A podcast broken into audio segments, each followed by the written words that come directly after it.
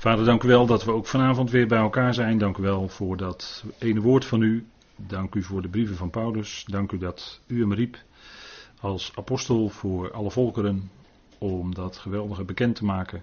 Uw plan. Vader, dank u wel dat we dat al zo lang mogen kennen en dat we daardoor zicht hebben op wie u bent. Dank u wel dat u tot uw doel gaat komen. Dank u wel dat we ook daarover mogen lezen vanavond. Met elkaar mogen nadenken over de unieke plaats die uw geliefde zoon heeft in uw plan. Vader, een hele hoge plaats. We danken u, Vader, dat we hem mogen erkennen als ons hoofd en als ons Heer.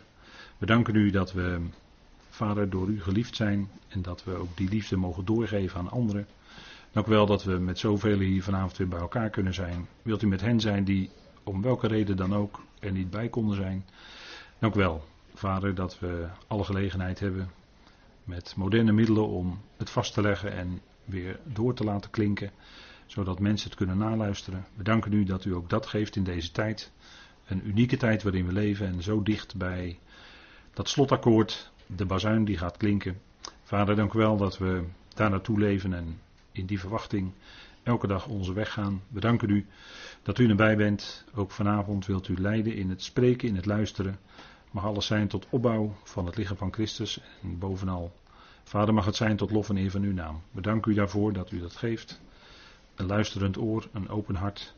Uw woord. We danken u daarvoor, Vader, in de naam van uw geliefde Zoon. Amen. Goed, ik wilde met u lezen uit Colossense 1. En dat wil ik doen met u vanaf vers 15 en dan lees ik met u tot en met vers 20. En er staat, hij is het beeld van de onzichtbare God, de eerstgeborene van heel de schepping, want in hem is het al geschapen, wat in de hemelen en wat op de aarde is. Het zichtbare en het onzichtbare, het zij tronen, het zij heerschappijen, het zij soevereiniteiten, het zij volmachten, het al is door hem en tot hem geschapen. En hij is voor alles en het al heeft zijn samenhang in hem. En hij is het hoofd van het lichaam, de uitgeroepen gemeente die de soeverein is, de eerstgeboren uit de doden, opdat hij in alles de eerste wordt. Want het hele complement heeft er welbehagen in om in hem te wonen en door hem het al wederzijds met zichzelf te verzoenen, vredemakend door het bloed van zijn kruis, door hem, het zij wat op de aarde, het zij wat in de hemelen is. Geweldige woorden uit Colossense 1. En Misschien is dat wel een van de mooiste passages uit heel de schrift. Want er staat ongelooflijk veel in en het geeft zicht op het begin en het einde van Gods plannen. En dat hij dat allemaal uitwerkt door zijn geliefde zoon. Dat is toch wel heel bijzonder dat we dat mogen zien. Door hem zal hij het al, hebben we gelezen daarnet, wederzijds met zichzelf verzoenen. En dat is in feite al op Golgotha is daar het tot stand gebracht en de rest daarna is een kwestie van tijd, is een uitwerking in zijn plan en God gaat in zijn genade en in zijn geduld zijn weg en volvoert zijn plan door zijn geliefde zoon. En dat uh, is een notitie die we nadrukkelijk meenemen in dit gedeelte. Het is de zoon van zijn liefde, een prachtige uitdrukking. Enige keer dat hij op die manier in de schrift staat, andere keren wordt hij genoemd mijn geliefde zoon of de zoon de geliefde, maar hier is het de zoon van zijn liefde. Dat is een. Uh, uh, dat hebben we gezien, dat is een wat Oosterse manier van uitdrukken. Uh, je, je kent de zonen van het Oosten, en hier gaat het om de zoon van zijn liefde. En de zoon is degene die het karakter, om het zo maar te zeggen, van de vader laat zien. De zoon laat zien wie de vader is. Hij is het beeld van de onzichtbare God. En in hem zien wij wie de vader is. En dat is toch wel heel bijzonder. Dat we dat mogen zien, dat we dat zo hebben kunnen leren kennen met elkaar. En ik heb u de vorige keer al even gehint op de, een vergelijking, en dat wil ik vanavond toch even met u gewoon laten zien. Een vergelijking van Johannes 1, Colossense 1 en Hebreeën 1, wat daar over de zoon gezegd wordt. En ik neem het even in vogelvlucht, noem ik het even, het voert veel te ver om op al die begrippen in te gaan. Maar het is voor u even dat u kunt zien, die dingen hebben toch raakvlakken met elkaar. En Colossense springt daar eigenlijk uit, omdat daar toch het hoogste en het meeste bekend wordt gemaakt over hem die de Zoon van God is. Dat zegt Johannes 1 ook. Daar wordt hij genoemd de Zoon van God en in Colossense de Zoon van zijn liefde. En in Hebreeën 1 wordt ook gesproken over de Zoon van God. En dan zie je dus die verschillen, dat in verschillende schriftgedeelten er door middel van verschillende begrippen toelichting wordt gegeven, uitdrukking wordt gegeven aan wie de zoon is. En dan zien we dus dat één schriftgedeelte niet genoeg is om hem te kunnen uh, weergeven en alles te kunnen zeggen wat op hem betrekking heeft. En als je dus deze drie gedeelten ziet, dan is dat al heel rijk. Maar je ziet dus steeds van andere kanten wordt wat hij is belicht. In Johannes 1 is hij bijvoorbeeld het woord. En we zien steeds hoe dat woord dan uitdrukking geeft aan de Vader. En hij is dan uh, de belofte. de belofte is werkelijkheid geworden. De belofte in Tenach. De beloften over de Messias zijn werkelijkheid geworden in de Heer Jezus Christus. En dat is, hij is dan de uitdrukking van de Vader. Hij is het woord. In hem wordt Vader hoorbaar. En in Colossens 1 wordt hij genoemd het beeld. En daarvan kun je zeggen, door hem zien wij wie de Vader is. En Hebreeën 1 geeft weer een ander aspect. Daar wordt gezegd, hij is de afstraling van Gods heerlijkheid. En, en, dat woord afstraling, dat heeft natuurlijk alles te maken met die heerlijkheid, die innerlijke heerlijkheid van God. Dat straalt hij als het ware uit. Hè. Wij kunnen de zon niet waarnemen, wij zien de zonnestralen, wij voelen de warmte ervan, maar de zon zelf kunnen wij niet waarnemen. Nou, die vergelijking kunt u misschien meenemen voor uzelf als u nadenkt over wat betekent het nou dat hij de afstraling is van Gods heerlijkheid. En niemand heeft ooit God gezien, zegt Johannes 1. Hij is de onzichtbare God, zegt eh, Colossense 1. En Hebreeën 1 spreekt dan over de heerlijkheid. Hè? Dus de innerlijke heerlijkheid van de Vader. Die wordt tot uitdrukking gebracht in en door de Zoon. In hem zien wij wie Vader is. Alles gemaakt door het woord, zegt Johannes 1. Het alles geschapen in en door en tot hem. Dus dan wordt het op een andere manier gezegd in Colossense 1. En nog, daar wordt eigenlijk nog iets meer bekendgemaakt. Hè, dat in hem alles geschapen is. En ook door en tot hem. En de Hebreeën 1 zegt dan dat de eonen, de tijdperken, uh, door hem gemaakt worden. Dat staat ook in de Aorista. De, de, dus het is een feit, hè? door hem maakt God de eonen de eonen, de tijdperken. Nou, dat is al heel erg veel hoor. Wat ik nu heb opgenoemd is heel veel. En is heel rijk. En wat een enorme rijkdom hebben we dan in hem ontvangen. Alle geestelijke zegeningen in Christus. Hè? Johannes zegt, hij is, ik ben. Hij was er al eerder dan Johannes. Hij was er al eerder, zegt Johannes later, dan Abraham. Eer Abraham was, zegt de Heer van zichzelf, ik ben. Johannes 8. En dan gaan ze de stenen oprapen om hem te stenen. Colossense 1 staat dat hij voor alles is. Dat, dat wil zeggen, dat heeft verschillende aspecten. En hij wordt in alles de eerste. En in Hebreeën staat dat hij boven de boodschappers is gesteld. Aan de rechterhand van de majesteit. Dus zijn verheerlijkte plaats. En zo zien we nog aspecten. Hè? Dus de volheid, complement, lotbezitter. Het al, hij draagt het al door zijn uitspraak. Het al heeft zijn samenhang in hem. Hij is de enige geboren God, zegt Johannes. Hij is de eerstgeborene uit de, van de schepping, eerstgeboren uit de doden. En er wordt ook iets in alle drie gedeeltes gezegd over de zonde. In Johannes 1, het hoofdstuk, staat dat hij het lam van God is dat de zonde van de wereld wegneemt. En in Colossens 1 wordt gezegd, dat hebben we met elkaar gelezen en al besproken, dat dat wij in hem hebben de vrijkoping, de vergeving van de zonden. En we hebben ook gezien waarom dat woord vergeving daar gebruikt wordt. Hè? Dat is analoog aan het begrip koninkrijk. En in Hebreeën 1 staat dat hij de reiniging van zonden tot stand heeft gebracht. Dus hij heeft door dat wat hij aan het kruis deed, is die reiniging van zonden tot stand gekomen. Dat is natuurlijk ook geweldig. Hè? En in Hebreeën 1, dat is heel bijzonder, wordt het maar even in een tussenzinnetje als het ware even genoemd. Maar het betekent ontzettend veel. Hij heeft die zonde gedragen. Hij, heeft, hij is gestorven voor onze zonden.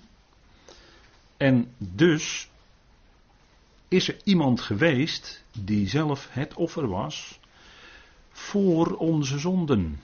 Hij heeft dat gedragen. En als we ons dat bewust worden, en steeds meer bewust worden, dan werkt dat enorm bevrijdend. In, in, in, in religie moet men een, een, een bepaalde weg afleggen. Uh, u kent het wel van Luther, die ging op zijn knieën de Sint-Pieter op enzovoort, want hij, hij zat met die zonden. Hoe zit, het nou met die, hoe zit het nou met die zonde en God? En dat, daar staat er tussenin, ja of nee. En totdat hij tot ontdekking kwam, een Romeinenbrief, ik ben gerechtvaardigd. God verklaart mij gerechtvaardig. En daarmee ben ik in feite, is die reinigmaking van zonde, is al tot stand gebracht. De Zoon heeft het volbracht. En daarom hoeven wij niet boete te doen voor onze zonden. Maar nee, wij mogen bewust zijn dat Hij dat gedragen heeft. En dat, dat, is een enorm, dat is een enorme bevrijding. En dan kan er een enorme last van je afgenomen worden. Als je dat in geloof bewust wordt. Dat is een geschenk hoor. Dat is een geschenk. Als je dat bewust wordt. En, en dat, dat werkt zo. En, en het kan mensen zo enorm te neerdrukken. Maar die redder die is gestorven, die is opgewekt uit de dood. Hij is opgewekt vanwege onze rechtvaardiging, zegt Paulus aan het eind van Romeinen 4. En dan gaat die Romeinen 5 in over de verzoening. Niet alleen gerechtvaardigd, maar verzoend. Dat is nog een stap verder hoor, een grote stap verder. Verzoend met hem, hebben we gelezen met elkaar. Hè? Dat hij door het bloed van zijn kruis het al, hè, God, het al wederzijds met zichzelf verzoend. Er is vrede gemaakt. In het bloed van zijn kruis is vrede. Vanuit God. En dat zouden we in vreugde God voor danken. Daar kunnen we God voor danken. In volle vreugde, met ons hele hart. Dat, dat, en als je dat doet, dat danken, dat, dat is zo. Ja, dat, dat doet zoveel met je, met je innerlijk. als je God bewust gaat danken voor dat wat Hij al in Christus gedaan heeft. Wij hoeven niets meer te doen. En dat, dat, is, dat is wat steeds weer bij Paulus klinkt. Hè? En daarom is Paulus denk ik ook wel moeilijk voor heel wat mensen. En, en uh, ook als het gaat om uh, ja, mensen die verstrikt zitten toch in een mate van religieus denken.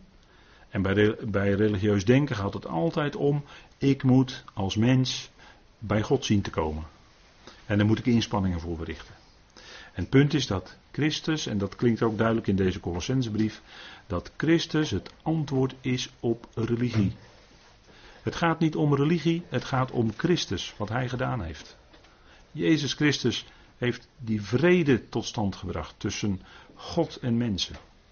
En daarom hoeft de mens geen enkele inspanning te doen om bij God te komen. Nee, God is in zijn zoon al naar ons toegekomen. Het is al volbracht.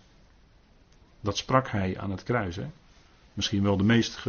Er zijn zeven kruiswoorden, zoals u weet. Maar dat is misschien wel het meest geweldige.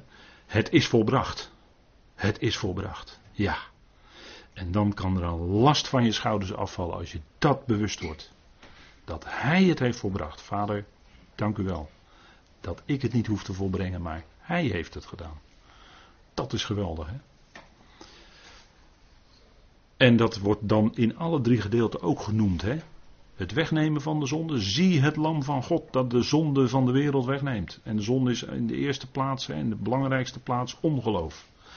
Vergeving van zonde. Dat is dat, dat het van je afgelaten wordt. Hè? Uh, God laat het, maar eigenlijk betekent dat veel dieper voor ons, is, is dat die rechtvaardiging. Hè? De rechtvaardige, je wordt rechtvaardig verklaard. Je kunt geen enkel werk doen om voor God rechtvaardig te worden. Nee, je wordt door Hem rechtvaardig verklaard. Hoe? Om niet. Om niet. Dat is geweldig hoor, want dan hoeft er geen enkele tegenprestatie van jou tegenover te staan. Maar je mag het, je, je, je aanvaardt het in dankbaarheid en het is om niet dat is een geweldig woord. Daarin zit iets van geven. in het Griekse woord zit iets van geven. Dat om niet. En dat wordt ook van de Heer Jezus gebruikt als er van hem gezegd wordt, toen hij op aarde rondwandelde, zij hebben hem om niet gehaat. Er was geen enkele reden in zijn gedrag, in de woorden die hij sprak. Hij was altijd uit op die mens. Hij veroordeelde niemand. Dus er was geen enkele reden dat ze hem zouden haten. En toch haten ze hem. Dat is om niet. Er was geen enkele reden hè, in ons om het aan ons te geven. Maar God geeft het nogthans. Dat is het, dat is het ja, wat, wat, wat uh, bijna een gevleugeld woord is geworden. De rechtvaardiging van de goddelozen. Ja, van de goddelozen. Ja, die. Rechtvaardigen die hebben geen uh, rechtvaardiging nodig. Die zijn al rechtvaardig. Maar goddelozen, die wel. Die hebben rechtvaardiging nodig. En dat is wat hij ons verklaart. Hij verklaart ons rechtvaardig. Ja, dat is ongelooflijk. Dat is de verwondering. Ik hoop dat u daar nog wel eens verwonderd over bent. Ik? Rechtvaardig verklaard? Hoe is het mogelijk? Ja, dat is mogelijk. Want de zoon heeft het gedaan. De zoon heeft het volbracht. Toen was het ook echt volbracht. Heerlijk, heerlijk bevrijdend is dat. Hè? Evangelie, dat is echt goed nieuws hoor. We zijn daar blij van. En met zo'n evangelie, ja, dat, uh, dat hoort u me wel vaker zeggen, daar blijf je ook blij van. Hè? Daar blijf je dankbaar en blij en gelukkig van. Het is de onzichtbare. En we hebben de vorige keer al daar even iets over gezien. En het punt is dat soms kom je iets tegen waarvan je denkt van, hé hey, wacht even, hoe zit dat nou? Eh, de Heer Jezus die zegt dan, als hij in Capernaum spreekt in de synagoge, dan zegt, hij, eh, dan zegt hij dat hij van zichzelf dat hij het uit de hemel neergedaalde manna is, het brood van het leven. En dan zegt hij ook in die toespraak in Johannes 6, in vers 46, dan zegt hij niet dat iemand de Vader gezien heeft, behalve hij die van God is. Hij heeft de Vader gezien. Hé, hey, wacht even, hoe zit dat? Hij heeft de Vader gezien. Wacht even. Hoe kan dat? Als er ook staat in Johannes 1, niemand heeft ooit God gezien. Hoe moet je dat dan, hoe moet je dat dan verstaan? Het punt is dat de heer Jezus later in dat Johannes, en in Johannes eh, lees je veel over de vader en de zoon. Hè? Dat de heer Jezus iets zegt over zichzelf en over zijn vader. En dan zie je hoe, hoe wonderlijk en hoe diepgaand die band is tussen de vader en de zoon. En een, een, een afschaduwing daarvan is wat je dan in het dagelijks leven, in, in families, zie je ook die vader-kindrelatie. Maar dat is dan een, een afgeleide van. En waar, wat, wat de ideale is, is natuurlijk tussen de vader en de zoon. En daarom zegt hij, behalve hij die van God is. Dat bedoelt hij uiteraard zichzelf mee. Hij heeft de vader gezien. Nou, hoe moet je dat zien? Later in Johannes zegt hij, en dan gebruikt hij dezelfde, datzelfde woord voor zien, dat is uh, horao. Als jullie mij gekend hadden, Johannes 14, vers 7, dan is hij met zijn discipelen daar in die opperzalen. En dan spreekt hij eigenlijk vrij uit, hè, niet langer in gelijkenissen. Maar dan spreekt hij vrij uit tot ze. En dan bespreekt hij een heleboel dingen. Over het feit dat hij zelf de trooster is en dat hij een andere trooster zou sturen. De Heilige Geest. En dan zegt hij in Johannes 14, vers 7: Als jullie mij gekend hadden, zouden jullie ook mijn vader gekend hebben. En vanaf nu aan kennen jullie hem en hebben jullie hem gezien. En hier gebruikt de Heer Jezus hetzelfde woord zien als in wat we net lazen, Johannes 6. Dat zou betekenen dat de discipelen de Vader hebben gezien. En dan zeggen we ja, dat kan niet. Nee, maar dat is dan ook dat is dan ook niet letterlijk gezien zoals wij mensen elkaar zien. Maar die discipelen hadden in de zoon gezien wie de vader is. En daarom zegt hij: Van nu af aan kennen jullie hem, wie de vader. Hoe? Nou, door de zoon. En hebben jullie hem gezien. Hoe kan dat? Nou, ze hadden die zoon gezien. Ze hadden gezien hoe die bezig was. Ze hadden gezien zijn liefde, zijn genade, hoe die eh, mensen tegemoet trad. Uh, hoe die op het goede uit was voor die mens. En, en, en al die aspecten, dat hadden ze bij hem gezien. En daarom zegt de Heer, jullie hebben hem gezien, jullie hebben de Vader gezien. Want jullie hebben mij bezig gezien. En daarin zie je wie de Vader is. Zo op die manier zien. Hè? En ik denk, als je dan terugkijkt naar Johannes 6, vers 46, dat je dat op die manier kan bekijken. Dat de zoon waargenomen heeft, alles van de Vader en het in zich opgenomen heeft. En ook die schriften, die tenag, toen hij mens was geworden, heeft hij die tenag tot zich genomen, tot en met. En steeds ontdekt, hé, hey, dat gaat eigenlijk over mij. Dat gaat over mij. Dat gaat over mij. Want hij kon later aan de Emmausgangers uitleggen. Al wat in de Torah, in de profeten en in de geschriften, in de psalmen over hem gesproken was. En dat, was, dat is heel veel. En dat heeft hij gaandeweg ontdekt. Dat het allemaal op hem betrekking had. Hij is die Messias. En zo op die manier had hij in die schriften gezien, ja, dat is helemaal wie de Vader is. En dat heeft hij uitgeleefd onder zijn volk. En dan zegt uh, Filippus tegen hem, in dat, hè, de Heer is met de discipelen in die opperzaal. En dan zegt Filippus hem, tegen hem in vers 8. Filippus zei tegen hem, Heer laat ons de Vader zien en het is ons genoeg. Dus Filippus die vroeg dat. En dan zegt de Heer in het volgende vers. Jezus zei tegen hem, ben ik zo lange tijd bij jullie. En je kent mij niet, Filippus. Wie mij gezien heeft, die heeft de Vader gezien. En hoe kun je zeggen, laat ons de Vader zien? Dus dit is een duidelijk antwoord van de Heer. De Filippus die vroeg het, Heer toon ons de Vader. En de Heer zegt, ja, ik heb jullie de Vader laten zien. Jarenlang, toen jullie met me optrokken. Want wie mij gezien heeft, wie mij bezig heeft gezien, de manier waarop ik optrad, de dingen die hij deed, de wonderen die tegelijkertijd ook tekenen waren. Waarin hij liet zien dat hij de Messias is. Waarin hij liet zien dat het koninkrijk van de Messias, wat, dan, wat door Daniel was aangegeven, hè, die, die, die, dat koninkrijk dat uit de hemel, enzovoort. Dat heeft hij laten zien, dat was aanstaande. Het koninkrijk van de hemel is nabijgekomen. Het koninkrijk van God. He, dan dat is natuurlijk allesomvattend, hè, maar dat, specifiek dat koninkrijk dat uit de hemelen neer zou dalen op aarde, dat zou eerst aan Israël gegeven worden en van daaruit via Israël naar de volkeren toe. En dat kwam hij brengen. En daarin heeft hij laten zien wie de Vader is. En zo hadden die discipelen gezien, waargenomen, dat hij de Vader representeerde. En zo, en zo zien wij ook in hem wie de Vader is dus als je wil weten wie is vader, nou kijk naar de zoon. En daarom zei hij ook, gaandeweg ook, in Johannes, dat de vader had aan hem al het richten gegeven. En hij wilde alleen doen wat, de, wat hij de vader zag doen. Hij wilde alleen spreken wat hij hoorde van de vader. Dus je ziet dat hij altijd zich onderschikte aan de vader. Ook tot het uiterste moment in Gethsemane. En daar was het Abba, vader, niet mijn wil, maar uw wil geschieden. En ook daar onderschikte hij zich aan de weg die de vader met hem ging. En dat gaat dus heel ver. En zo zagen die discipelen wie, wie hij is en in hem de vader. En zo, en dat is uh, vader en zoon. Hè. Daar hebben we de vorige keer ook iets over gezegd aan de hand van, uh, van die verloren zoons in uh, Lucas 15. Ik heb heel even genoemd toen ook de barmhartige Samaritaan. Maar kijk, vader en zoon, dat is heel wat. Hè?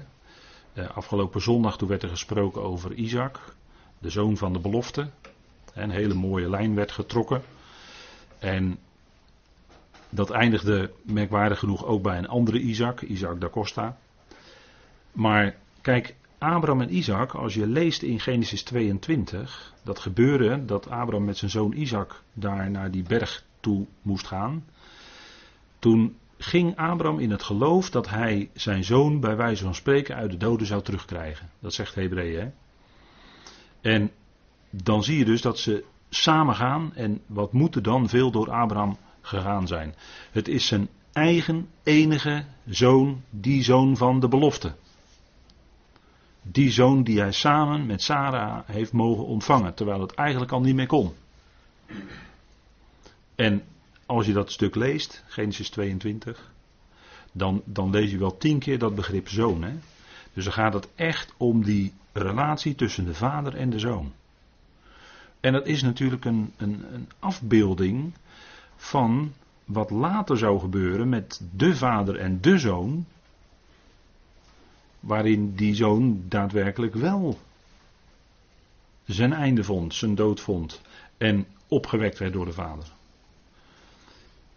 En als je dan beseft bij Abraham, wat moet er bij Abraham dan veel door hem heen gaan? Zijn zoon. Zijn zoon. En, en dat is, hè, dat, is, dat, is, dat betekent heel veel. En dan moet je die weg gaan.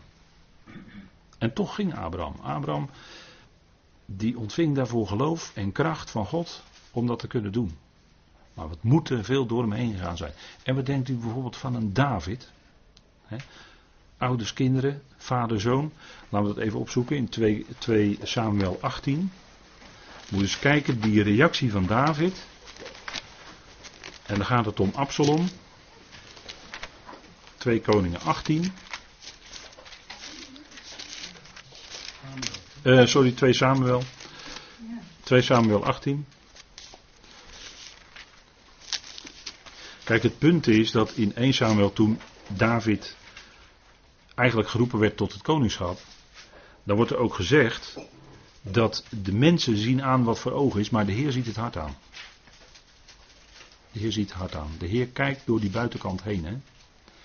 En daarom met David, die achtste, die, die moest komen vanaf het veld, dat was de herder, David. En die was het. Niet de keuze van mensen. Daar zou, je zeggen, ja, een van mijn zeven zonen. Nee, wacht even, er is er nog eentje. Die achtste David moet het zijn, die geliefde. Dat is zijn naam, hè? de geliefde. En dat, dat moest ook een enorm af, afschaduwing zijn van de Messias. En het punt is dat 1 Samuel 16 zegt dan, de mens ziet aan wat voor ogen is, maar de Heer ziet het hart aan. En daarom zouden we ons ook, je kunt je enorm vergissen in mensen. Je kunt een, een mening, een oordeel klaar hebben over mensen. Ah, die sowieso, want, want die gedraagt zich sowieso. Wacht eens even, heb je dan wel in, in het leven van diegene verdiept? Waar dat vandaan komt? Wat er in de jonge jaren is gebeurd, wat in de opvoeding is gebeurd, hoe de ouders met dat kind zijn omgegaan enzovoort. Hè? Hele optelsom van. En ik zal u vertellen dat ik heel wat mensen van wie ik de biografieën gelezen heb later, heb ik mijn mening enorm moeten bijstellen. Want ik stond ook met mijn oordeel klaar. Ik wees in gedachten ook met mijn vingertje. Oh ja, die sowieso. Daar fout en daar uh, deed hij het niet goed. En, daar, en, en noem maar op. Hè. Maar als je steeds meer van zo'n leven aan de weet komt. Dan ga je anders kijken. En God, die kijkt natuurlijk ook heel anders dan wij naar mensen. Wij kijken tegen elkaars buitenkant aan. Maar God ziet het hart. En, en dat is ook met, met ouders en kinderen. Ik heb de vorige keer ook gezegd dat als, als het gaat om jouw eigen kind, het blijft altijd je eigen kind, hè? Het blijft altijd je dochter, het blijft altijd je zoon, wat er ook gebeurt. En dan zal je voor dat kind klaarstaan. Dat, dat kan niet anders.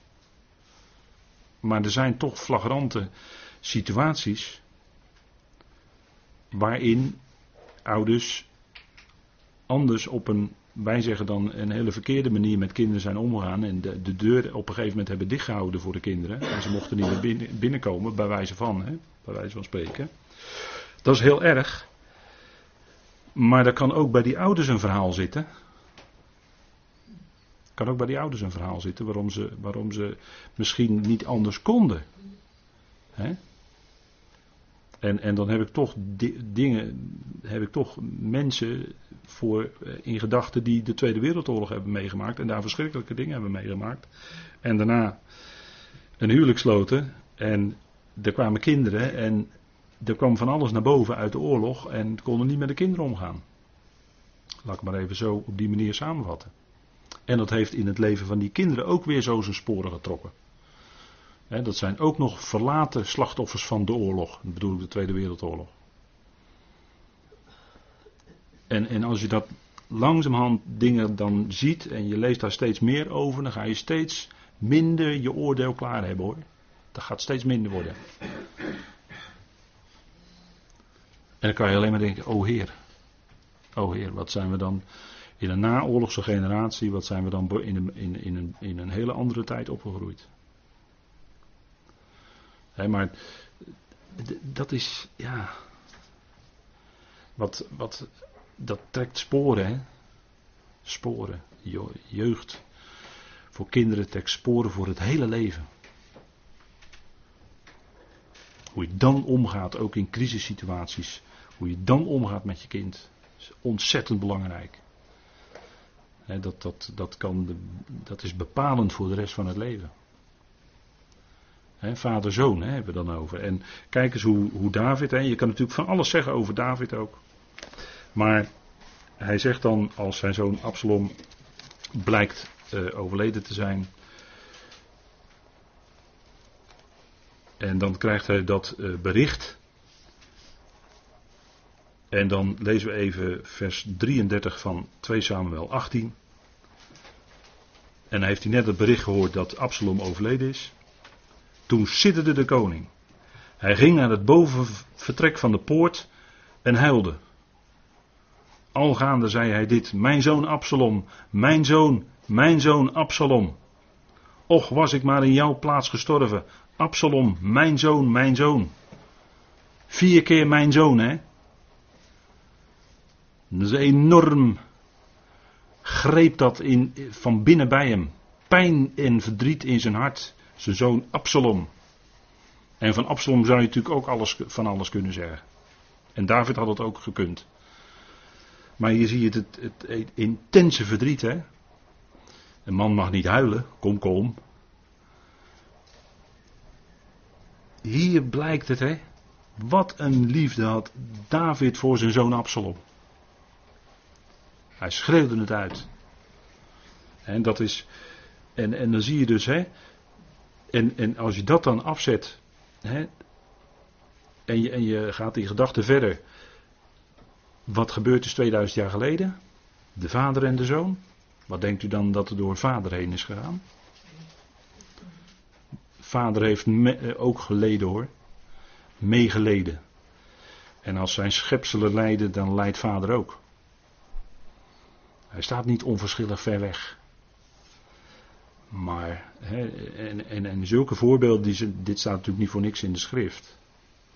Zulke voorbeelden laten ons zien hoe intens dan het meeleven is van de Vader. God die wij mogen kennen als onze Vader. Zo mogen aanspreken. Abba, zeg je misschien als kind, maar eh, Vader.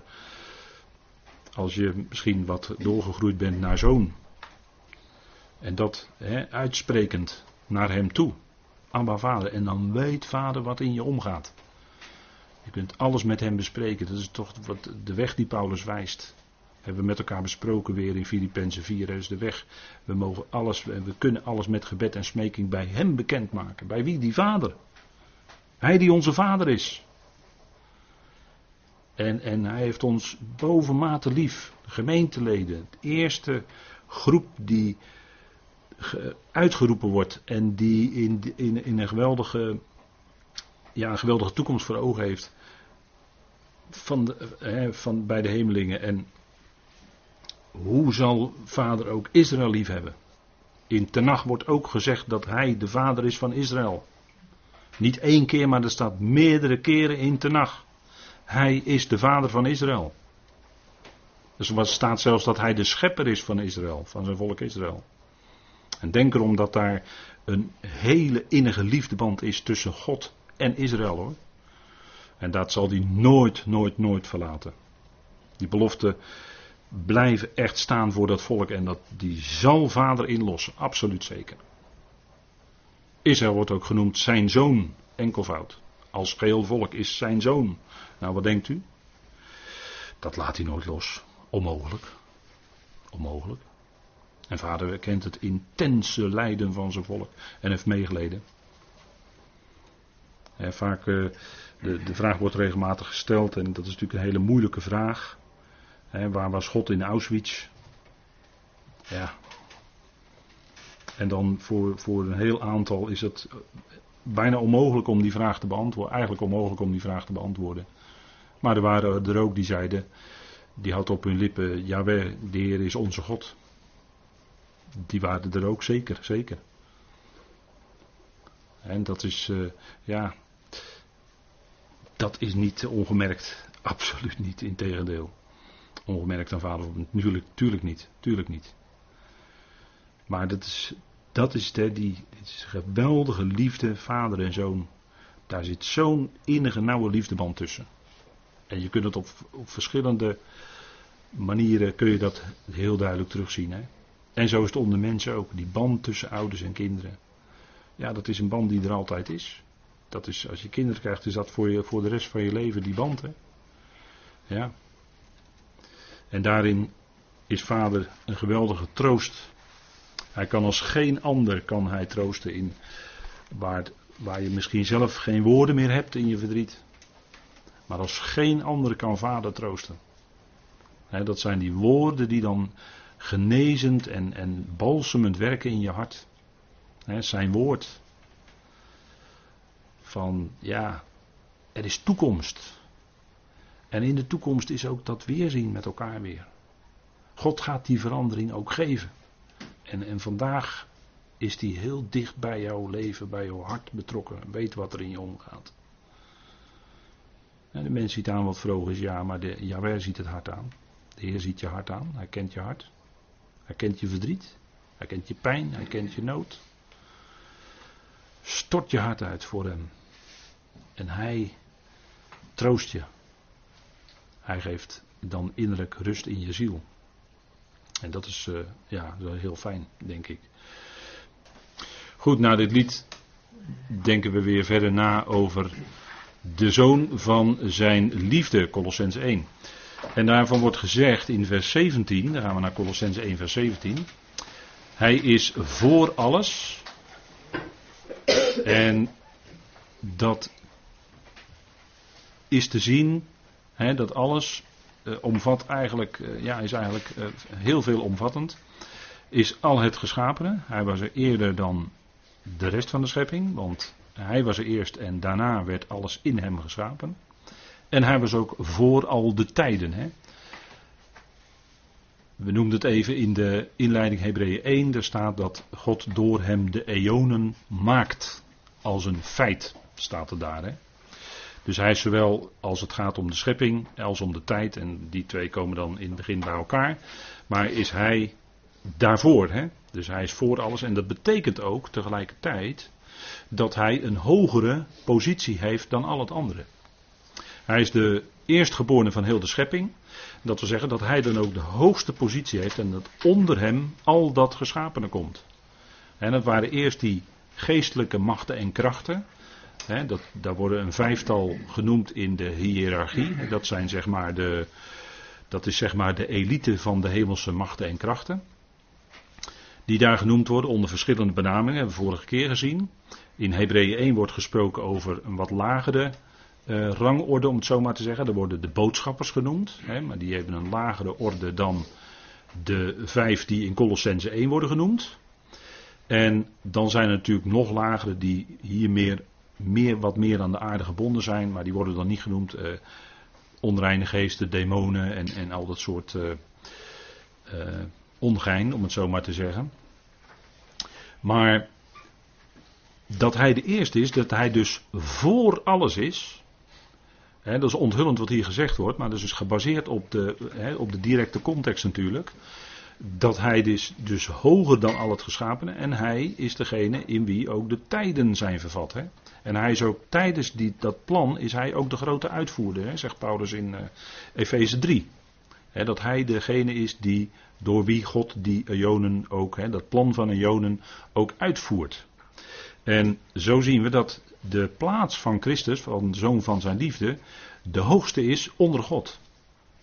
En dat maakt het toch wel dat deze, deze, eh, dat dit hoofdstuk van Colossense, dat het dus heel veel zegt over wie hij is. Hè? Dat er geen ander is die zo'n hoge plaats heeft. Al het andere is in feite onder hem. En door het plan heen zal alles ook uh, gezet worden in de richting van dat hoofd. Hè? zegt Paulus in Efeze 1 natuurlijk, alles zal onder het ene hoofd Christus samengebracht worden. We gebruiken dan dat woord culmineren, maar dat wil zeggen dus dat alles onder het ene hoofd en gericht op dat ene hoofd gebracht zal worden. Dus je kan ook zeggen tot onderschikking gebracht wordt. Onder hem, onder zijn voeten. En dat is ook wat uh, Efeze 1 aangeeft. Hè? Dus hij heeft die hoogste plaats gekregen. En dat is nadat hij die diepe weg is gegaan, hè, waar we in Filippenzen met elkaar over hebben nagedacht, in ootmoedigheid die diepe weg is gegaan, zelfs tot de dood van het kruis. Dus het is heel diep gegaan. En daarna heeft Vader hem in zijn opstanding en opwekking en levendmaking uitermate hoog verhoogd. En dat zegt Efeze ook. En in feite, hè, daar, daar, daar, lees je dus in Hebreeën het nodige over. Eh, Petrus zegt daar ook het nodige over. Hè, dat uh, in 1 Petrus 3, dat, dat hij de plaats heeft gekregen boven de hemelse machten en krachten. Dus Petrus wist dat ook. Dat is die hoge positie van Christus. Dat is die Heer die we mogen kennen. Dat is uw en mijn en onze Heer. Van, hij is hoofd van het lichaam van Christus. Wij zijn leden. Wat wilt u dan nog meer? Iemand die zo die liefde van God bekend maakt. Die zo de verpersoonlijking is van Gods liefde.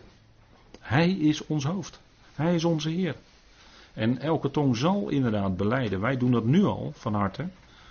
Maar elke tong zal dat gaan doen in de toekomst.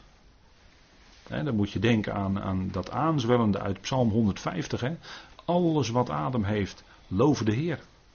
En als het gaat om die hemelse machten, dan hoef je niet te spreken over dat ze adem hebben, maar hun tong zal wel degelijk beleiden, ja, dat geweldig hè, dat ze zullen ook hem loven en prijzen als, als de grote Heer, de redder. En wat hij ons tot, tot stand gebracht heeft, zal uiteindelijk ook al die hemelingen zullen zich dat bewust zijn, zullen dat beseffen. Want dat, dat, dat, die reiniging, en hij is ook met zijn bloed de hemelen doorgegaan.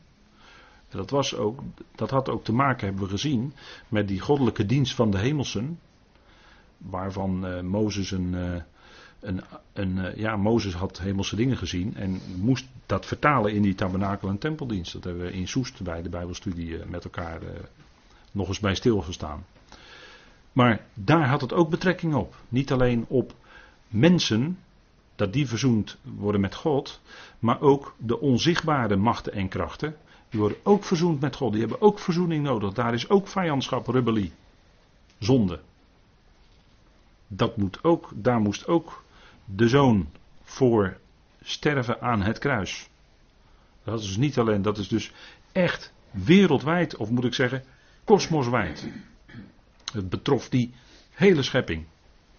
Al die vijandschap, al die vijanden, allemaal verzoening nodig. Moest allemaal vrede gebracht worden. En door het kruis is dat al verwezenlijkt en is dat een uitwerking gaat, gaat dat krijgen in de komende tijden. En, en dan maakt Colossense natuurlijk tot een machtig gedeelte, Colossense 1.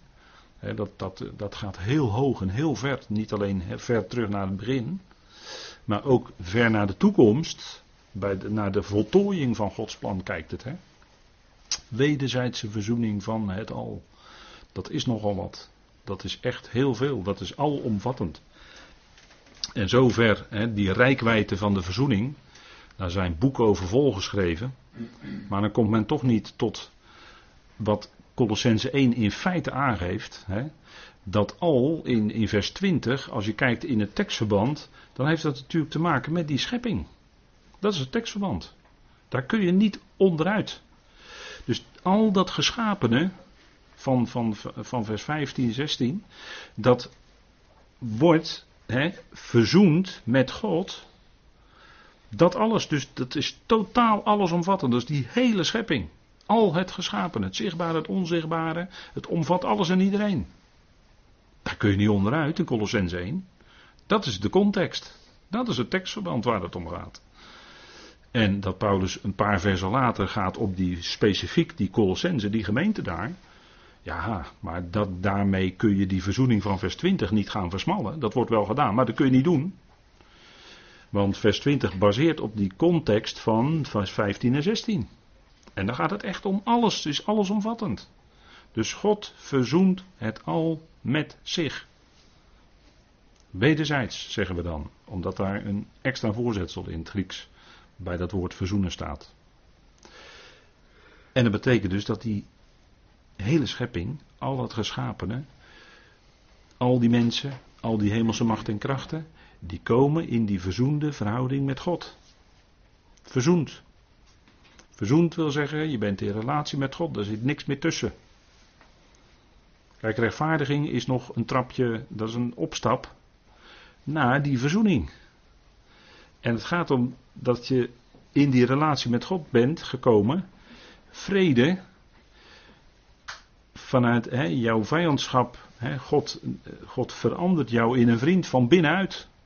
Jouw vijandschap gaat weg ten opzichte van God. En zo, komt die, zo kom je in verzoende relatie met God. God had de mens altijd lief. God was niet de vijand. Maar de vijandschap, als je de schrift naleest, zit die vijandschap altijd bij de mensen, bij die hemelse machten en krachten, bij de Satan, noem maar op. Daar zit de vijandschap. De vervreemding. En de verzoening is, degenen die verzoening nodig hebben, dat zijn vijanden. En die worden veranderd in vrienden. Door wie? Door God. Hoe? Door het bloed van zijn kruis. Door dat wat Christus tot stand heeft gebracht. God was. Dat, dat, dat feit wordt ook in 2 Korinthe 5 bekendgemaakt. God was in Christus de wereld met zichzelf verzoenend. En dan wordt er gezegd: laat je verzoenen met God. Met andere woorden, dank God voor die verzoening. Het is vrede.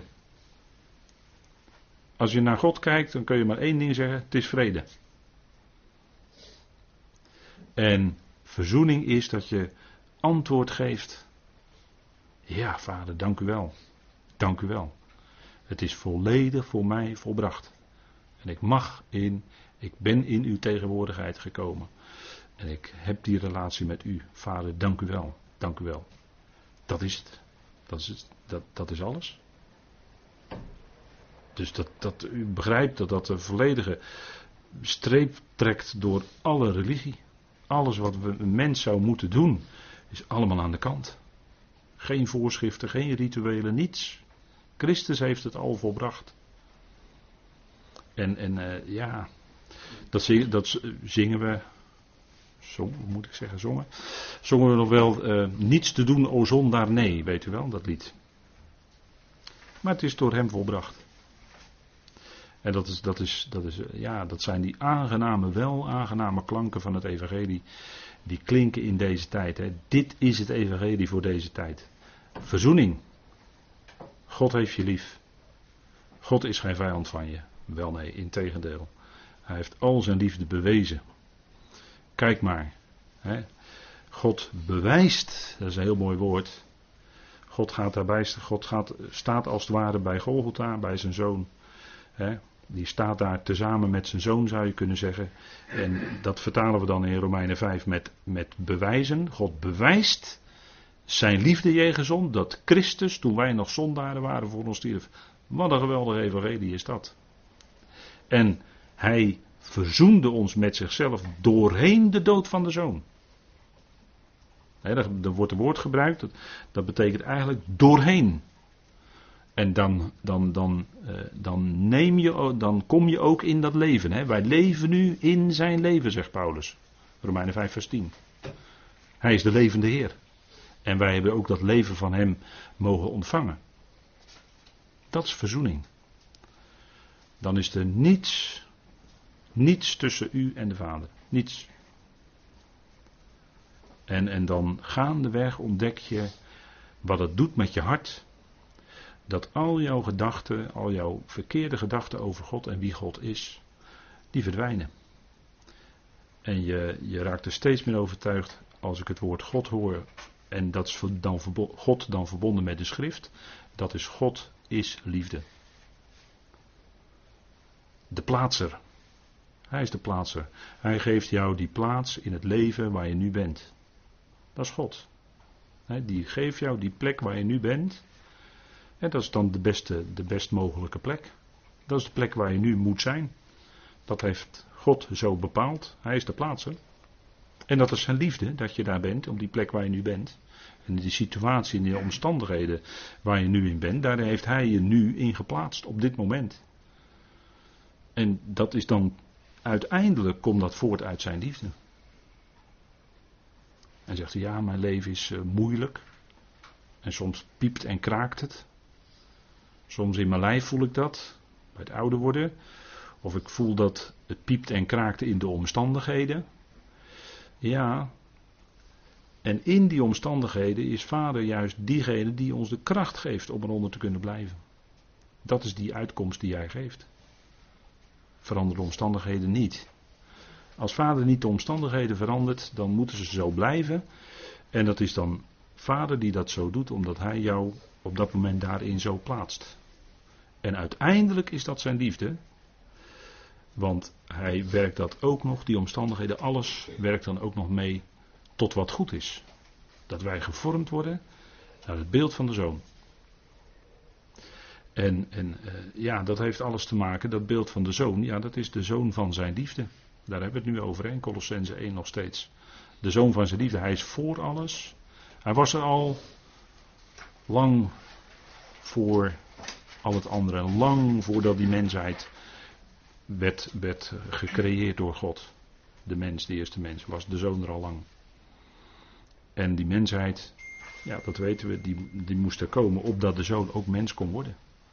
En omdat God daarin aan, aan, aan heel zijn schepping kosmoswijd kon laten zien zijn liefde, wat zijn liefde vermag. Want uh, ja, bekende tekst, Johannes 3, vers 16, u weet hoe die uitgelegd wordt, maar er staat wel degelijk, want al zo lief heeft God de wereld gehad dat hij zijn enige geboren zoon, en daar klinkt dan Abraham en Isaac door, he, dat hij zijn enige geboren zoon gegeven heeft. Dat is liefde. Dat is liefde in optima forma. Verder kon het niet gaan. Maar dat was ook alles. Iemand heeft wel eens gezegd: God gaf zijn hart leeg. Toen hij zijn zoon gaf. En gekruisigd werd en gedood werd. En het hart van God bloedde. Zo ver ging die. Zo diep is het gegaan. Dat is Gods liefde. Dat is zijn liefde. Om ons, om u, jou en mij en al die hemelse machten en krachten, al die vijanden uiteindelijk aan zijn hart te kunnen brengen. Dat is het punt, hè? niet alleen te redden van zonde en dood. Dat niet alleen, dat is al heel veel. Maar meer nog om ze aan zijn hart te kunnen brengen. En, en dat, dat beeld, en daar kom ik dan nog een keer mee terug, dat beeld zie je ook in die vader die uitkijkt. Die zoon komt eraan. Ja, hij komt er nu aan. ik sluit, me nu, ik sluit hem nu in mijn armen. En dan is het feest. Dan is hij dicht bij mijn hart. Letterlijk. Ik sluit hem letterlijk in mijn armen. En dat is een geweldig beeld. En dat is wat God doet in zijn plan. Daar, daarvoor zet God alles in. Om dat te bereiken, dat al die schepselen zo aan zijn hart gedrukt worden. Net als die zoon. En die, die zoon was dus niet langer verloren, maar die werd gevonden. Want die kwam terug. Ja, dat is geweldig, hè? En al dat verlorene, ja, bij, bij God wordt het gevonden. Dat is zijn liefde. Hij zoekt net zo lang, net zo lang gaat hij door, totdat de allerlaatste er ook bij is. Ja, dat is heerlijk. Daar kunnen we geen genoeg van krijgen. En dat, dat is ook, ja, liefde, daar gaan heel veel liedjes over. Liefde, daar gaan heel veel romans over. Liefde gaat, dat is waar de mensheid, hè, die wil die echte ware liefde vinden.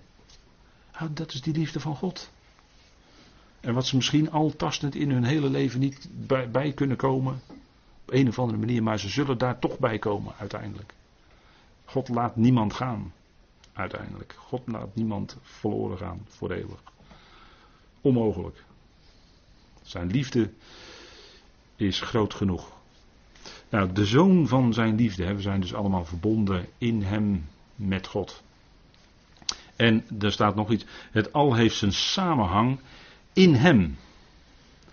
En u kent misschien wel het woord cohesie. En dat hebben we dan hier vertaald met, eh, het werkwoord hebben we hier vertaald met heeft samenhang. En dat is eigenlijk hetzelfde woord als wat ik daarnet al even noemde. Uh, dat God uh, op Golgotha naast, hè, als het ware, naast zijn zoon stond en laat zien, kijk, dit is mijn zoon. Hè, hij sta, staat daar samen met zijn zoon zou je kunnen zeggen. Dat, dat woord wordt ook hier gebruikt. Heeft samenhang hebben we het hier vertaald. En dat heeft te maken met dat in, alles heeft zijn samenhang in hem, heeft te maken dat die hele schepping, die wordt in de zoon, wordt die bij elkaar gehouden. En we kennen het verschijnsel wel dat bepaalde stoffen, bepaalde vaste stoffen, die hebben een hele sterke onderlinge moleculaire binding. en dat is dan de aantrekkingskracht tussen die moleculen. Dat is bij de ene stof veel sterker dan bij de andere. Daarom is de ene stof veel vaster dan de andere. En dat heeft allemaal te maken met samenhangen. Je kan ook het woord binding gebruiken. Binding. God zorgt dat het hele universum, dat, het, dat het, al dat geschapene bij elkaar gehouden wordt. Daar is een bepaalde kracht en tegenwoordig zijn we heel knap en dan kunnen we hele kleine deeltjes, hè, quarks geloof ik. En er wordt er gesproken over neutronen en protonen en ionen en weet ik wat allemaal. Heel snel bewegende deeltjes die je met je oog niet kan zien. Maar daartussen, binnen die atomen, is er ook een bepaalde kracht die dat allemaal in stand houdt. Want eh, bij een eh, atoombomontploffing gaat, zou je kunnen zeggen, wordt er iets veroorzaakt waardoor dat even niet gebeurt. En moet je kijken wat er dan gebeurt. De mens is in staat om enorme, wat dat betreft enorme dingen te veroorzaken. Maar dan moet je dus iets gaan verstoren. Maar normaal gesproken, wat is nou die kracht die alles bij elkaar houdt? Nou, dat is de geest van God. Waarom blijft dat allemaal met elkaar in evenwicht? Dat negatieve met positieve, zoals we dat dan allemaal noemen, hè? kleine deeltjes, negatief, positief. En het, maar het blijft allemaal met elkaar in verband staan. Het blijft allemaal bestaan. Het klapt niet in elkaar, het ontploft niet. Nee, het blijft bestaan. Wie doet dat? Nou, dat doet God. Dat staat hier. Het al heeft zijn samenhang in hem. Dat is door zijn geest houdt hij dat allemaal in stand. En dat is tegelijkertijd zijn liefde. God laat de zaak niet ontploffen of in elkaar klappen. Dat is zijn liefde. En, en er kunnen allerlei rampenscenario's bedacht worden door mensen. En dat is vandaag de dag volop natuurlijk aan de orde. Daar hoef ik er niks over te vertellen. Maar voor ons als gelovigen staat vast: nee, wacht even. God houdt die zaak in stand. En God zal zorgen dat het duizendjarig rijk er komt. En dat zal duizend jaar duren. Dus de constellatie zoals die nu is. Ja, dat zal nog minstens duizend jaar zo blijven. God had beloofd dat er geen geen groot waterkataclysme meer komt. Geen grote overstroming zoals bij Noach. En nog eerder nog, op nog grotere schaal. Waarbij de hemelen zelfs bij betrokken werden. Dat gaat niet meer gebeuren. En God bewaart deze aarde in vuur, zegt Petrus. Maar dat gaat pas na de duizend jaar blijken. Dan komt er een groot vuurgericht waardoor die nieuwe schepping gaat komen. En tot die tijd houdt God het in stand. Wie? God. Nou, dan, dan kunnen we rustig gaan slapen, want dan weten we, vader heeft het allemaal in zijn hand. Maar dat is natuurlijk ook in ons persoonlijk leven. Hè? Er kan wel eens een fase zijn in je leven waarin er allerlei dingen ineens tegen gaan zitten, waarin allerlei dingen ineens mis lijken te gaan. En het lijkt soms wel chaos te worden in je leven. Maar wat is het dan geweldig fijn als je in die situatie kunt beseffen, ja vader, wacht even. Het al heeft zijn samenhang in hem. Dat betekent, u houdt de dingen ook in mijn leven tezamen. En, en u bent het die ook in mijn leven stappen aan het zetten bent. Ook al snap ik er nu even helemaal niks meer van. Maar u zet in mijn leven kennelijk stappen die heel moeilijk zijn, waartoe ik moet leiden nog geen enkel zicht op. Maar en dan kun je misschien maar hele kleine stapjes zetten met vader. Ja, dan is het toch altijd die, die band met vader. Hè? Cohesie heeft te maken met binding. En, en dat is ook zo in het lichaam van Christus. We zijn met elkaar als leden met elkaar verbonden. En daar zorgt de Heer voor. En wij worden erop gewezen met elkaar op te trekken. Onderling. Hè? We hebben die band met elkaar, geestelijke band. En geestelijke band, dat is uh, de, de, ja, de, de, dat zijn de sterkste banden die er zijn. We zijn één aan elkaar gegeven. één in het lichaam van Christus. Hoe? Door die ene geest. En die eenheid zouden we bewaren. Met de band van de vrede. Dat is die binding, die band, die binding die we met elkaar hebben. Die vrede. Die band met God werkt uit in de band met elkaar. Eerst, eerst verticaal en dan werkt het uit horizontaal. Nee, maar we hebben die band wel degelijk met al onze medegelovigen. Daarom kunnen we ook nooit, hè, als we een eh, ja, samenkomst op zondag. Wie komt er binnen? Welkom. Wie het ook is. Welkom. luisteren, dat woord gaat klinken. Die liefde van God komt naar voren. Ja, dan is het toch niet zo dat je. Je, je kan dan toch, hè, als het daarom gaat, geen mensen gaan buitensluiten. Als God die mensen insluit. Hè, dat, eh, we zijn niet exclusief, nee, we denken juist inclusief. Dat is juist Colossense 1. Hè? Dat is dat all-inclusive van God. Daar is alles bij ingesloten. En, en uh, ja, dan zeggen we ja, er komt iemand binnen en die gedraagt zich misschien in onze ogen een beetje wonderlijk. Ja, dat zal, dat zal best, maar uh, zet je dan ook die stap naar zo, zo iemand toe? Ga je dan eens even met zo iemand in gesprek? Fijn dat je er bent. Wie ben je? Fijn dat je er bent. Luisteren. Fijn luisteren met elkaar. Zingen met elkaar. Ja. Ik denk dat dat anders werkt dan anders, hè? zoals het anders wel eens gaat. Alle leden. Dat is het volgende vers. Hè? Alle leden zijn verbonden met het hoofd. In Colossens 1 vers 18 wordt van hem gezegd. Hij is het hoofd van het lichaam, de uitgeroepen gemeente. Hij is het hoofd. Dus al die leden die geroepen worden, ja, dat is, gaat, dat is, dat is niet, uh, niet in de eerste plaats echt niet onze zaak hoor, dat is zijn zaak. Al die leden die geroepen worden, al die mensen die geroepen worden, zijn allemaal leden van het lichaam van Christus. Nou, als iemand gelooft, en dan hoef je het echt allemaal niet, eh, niet in alle, op alle punten met elkaar eens te zijn. Maar als iemand gelooft en de Heer looft en prijst voor, voor, voor wat hij gedaan heeft. Nou, dan is een medelid van het lichaam van Christus. Alle leden zijn verbonden met het hoofd en daardoor is hij het die dat lichaam ook leidt en in stand houdt en hij bepaalt ook. En hij bepaalt dan ook, ik had het net even over de zonnedienst, maar hij bepaalt dan ook wie er op zondag binnenstapt. Dat is, dat is niet onze zaak, maar dat is zijn zaak. Nou, hoe vang je dan diegene op? dat is. Uh, denk ik, dat zijn zo van die notities. het christendom is vaak geweest.